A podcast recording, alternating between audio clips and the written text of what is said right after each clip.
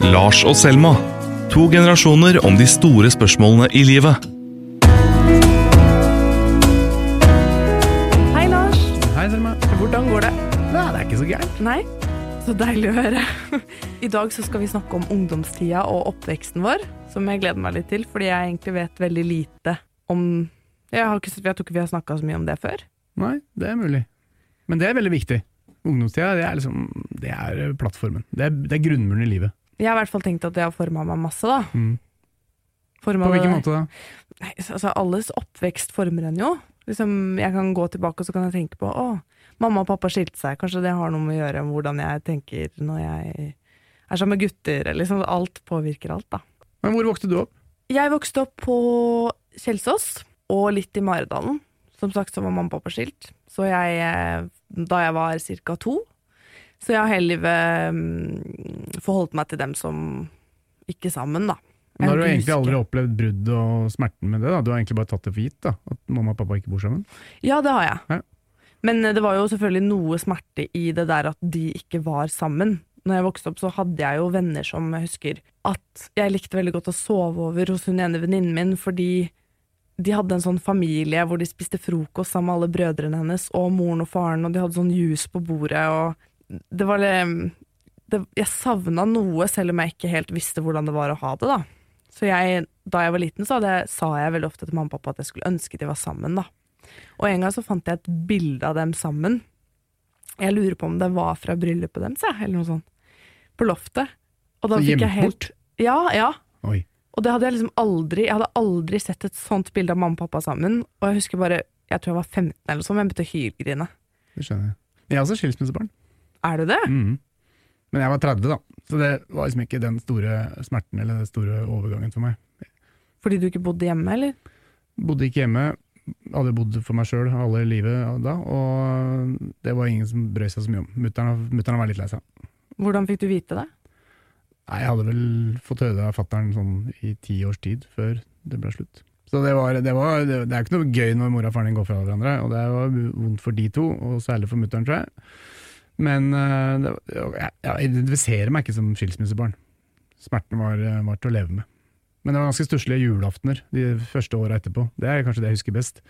Jeg og brutter'n og mutter'n på julaften. Det var ikke sånn det skulle være. Det var helt feil.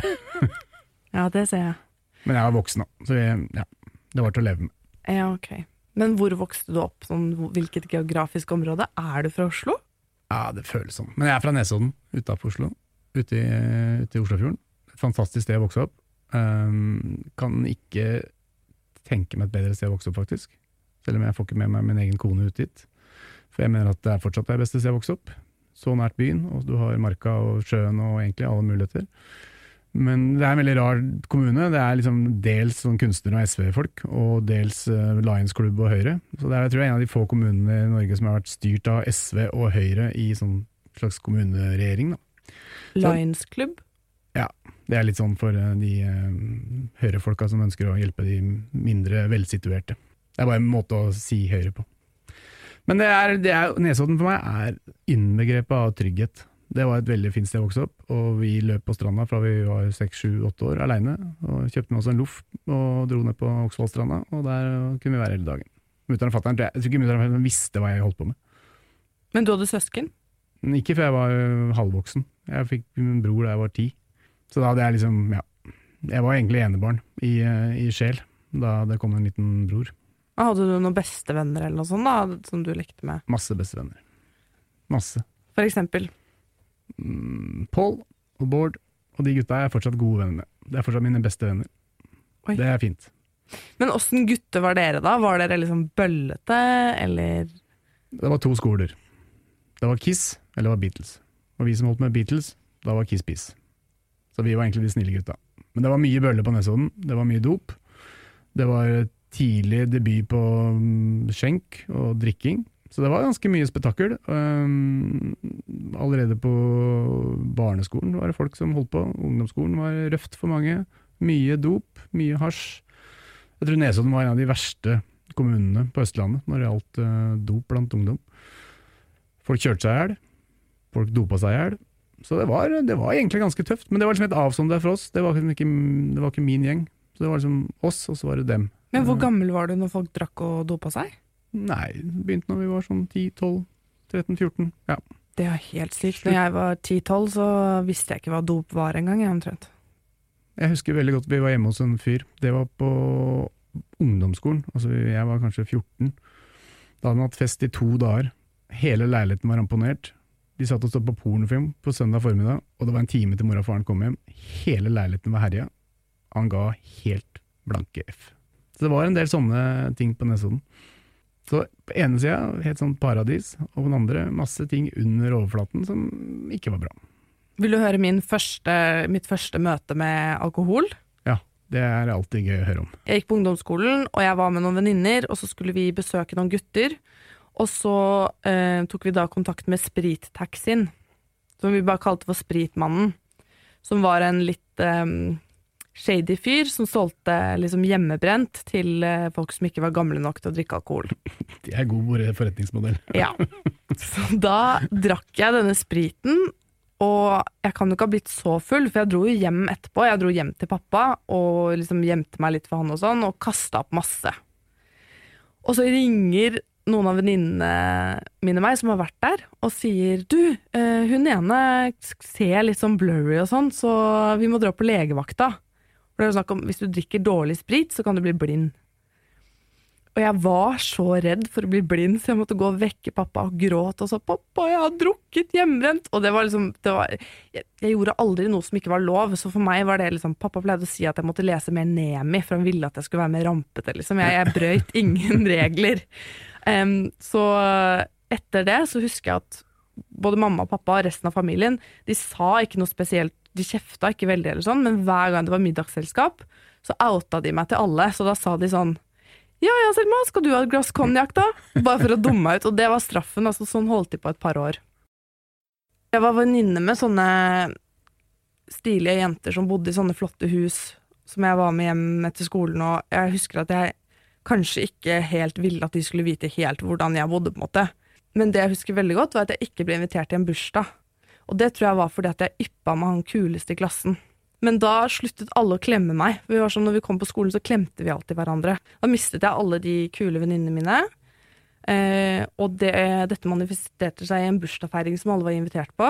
Som jeg var invitert på. Og så ringte de meg til skolen og sa at jeg ikke var invitert likevel. Ikke de som hadde bursdagen, men venninnene til de som hadde bursdagen. Og de har jeg møtt nå, mange mange, mange år etterpå. Plutselig har de vært i Jeg spiller teater, plutselig har de vært eh, i salen på teatret. Og jeg kjenner at jeg bare blir helt sånn jeg har bare lyst til å forsvinne fra jordas overflate. Selv om jeg Men ikke veit de at dette var vondt for deg, eller er de, helt, de er sikkert helt de, uvitende om det, da? helt, de vet sikkert ikke det. Men Nei. lenge følte jeg at alle visste at jeg var hun rare fra Mm. Engebråten. Men jeg kjenner meg ikke igjen i det der i det hele tatt. Ikke sånn som jeg vokste opp. Der var, på Nesodden var det bare én svær klikk med folk. Det ikke noen gjenger eller uh, på å si motstridigheter i det hele tatt. Det var, det var som jeg sa i stad, SV-ere og høyrefolk i en sånn fin blanding. Kunstnere og businessfolk. Og unga deres eh, lekte sammen. Vi var én stor gjeng. Eh, Det var først da vi begynte på videregående at det kom en slags sånn eh, litt sånn mer fiff fra, fra Drøbak som gikk på skole på Nesodden. Så vi var egentlig sånn, vi var blinde for forskjeller, blinde for sosiale forskjeller, og det var bare én stor happy family. Det høres veldig rart ut, men det var, det var litt sånn, i hvert fall sånn jeg husker det, det er kanskje fordi det er så lenge siden at jeg ikke husker at tida er veldig sånn, tida er veldig godt filter da. Så jeg husker bare at det var veldig fint å vokse opp på Nesodden.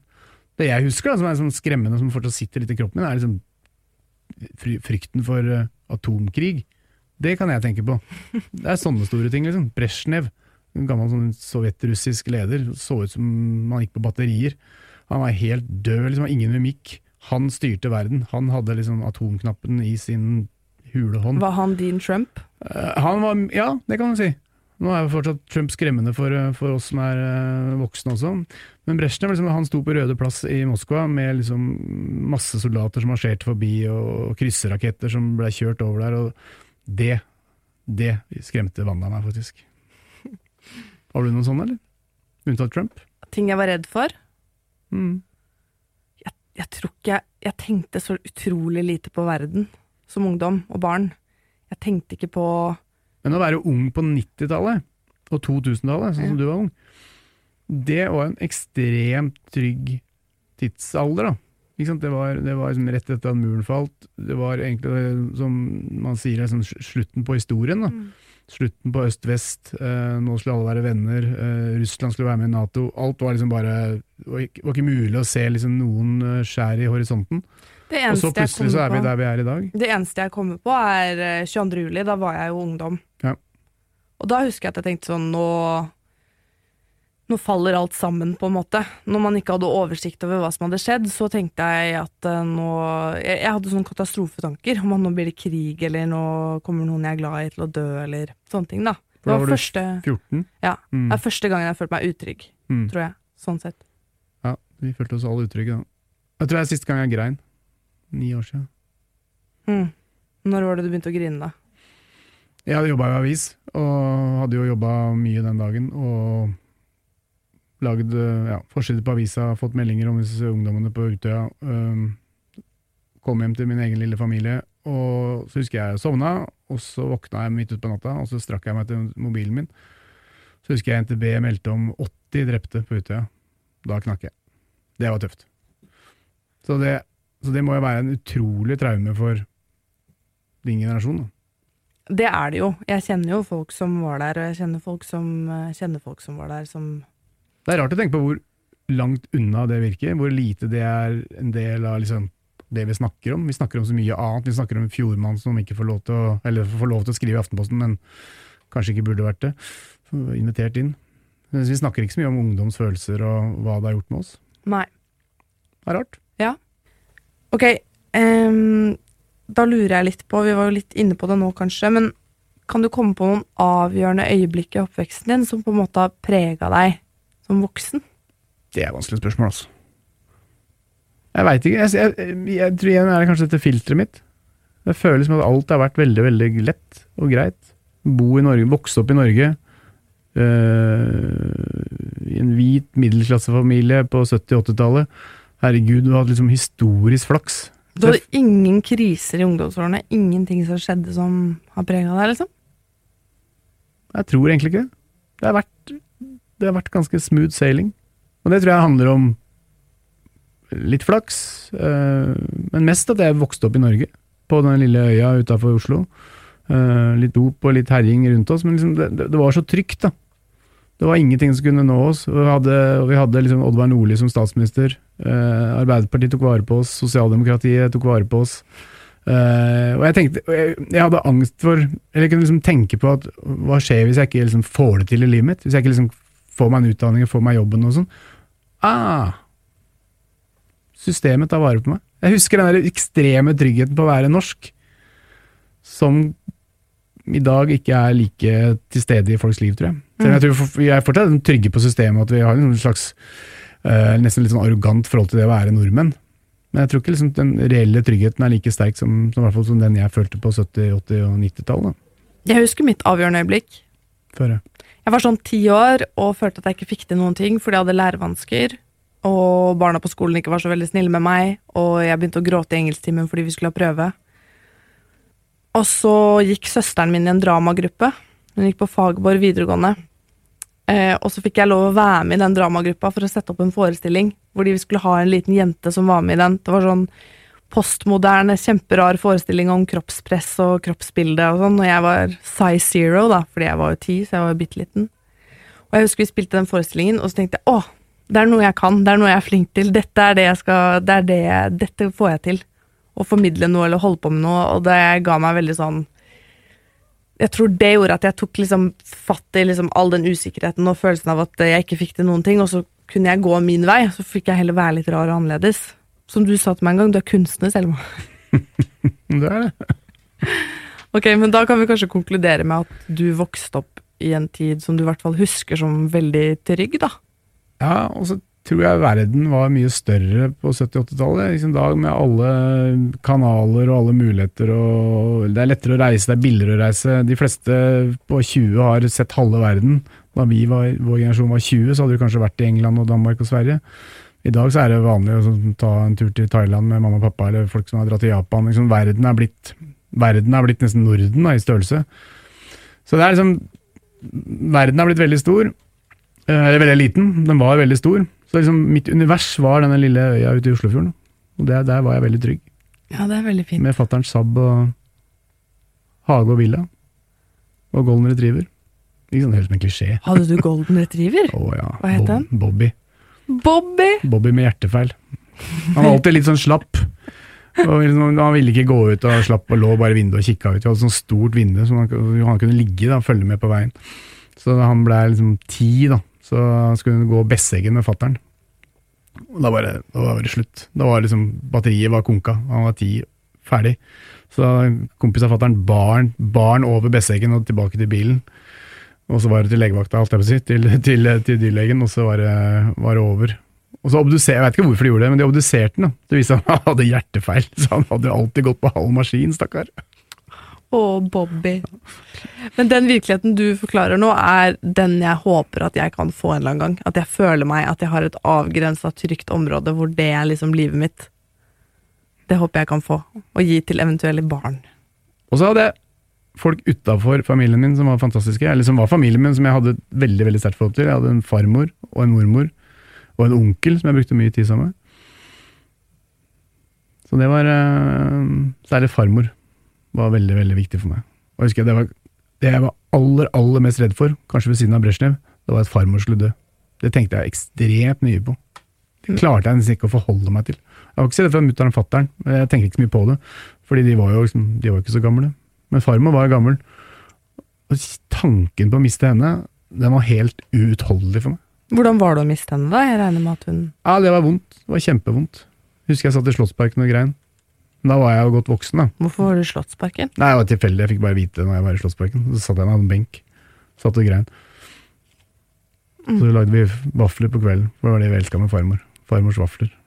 Så hadde vi eh, likskur, holdt jeg på å si, hjemme, jeg, fatter'n og mutter'n, med vafler. Jeg Nei, det var veldig vondt. Det var skikkelig vondt. Uff. Jeg var veldig glad i bestefaren min. Mm. Han, al- han fikk Alzheimer da jeg var eh, kanskje tolv. Så mamma pleide å besøke han på det hjemmet han ble satt på, da. Eh, og eh, det var egentlig rett ved mormors hus, så han pleide noen ganger å bare gå hjem. Og så var det, så han rømte mye. Så var det en gang mamma, mamma kom, og når, når, når hun kom, så klappet han alltid sånn her i hendene. Og så Av begeistring? ja, det var noe han alltid gjorde. Og så så han på henne, så sa han Her har jeg prøvd å bryte meg ut i hele dag, og så har du brutt deg inn. så det er ganske nydelig. Kanskje vi skal bryte oss eh, ut herfra òg? Ja, vi Ja. får bryte oss ut. Takk Yes. for praten. Alltid hyggelig å prate med deg. Lars og Selma er produsert av Radio Metro for Dagsavisen. Ny episode hver mandag.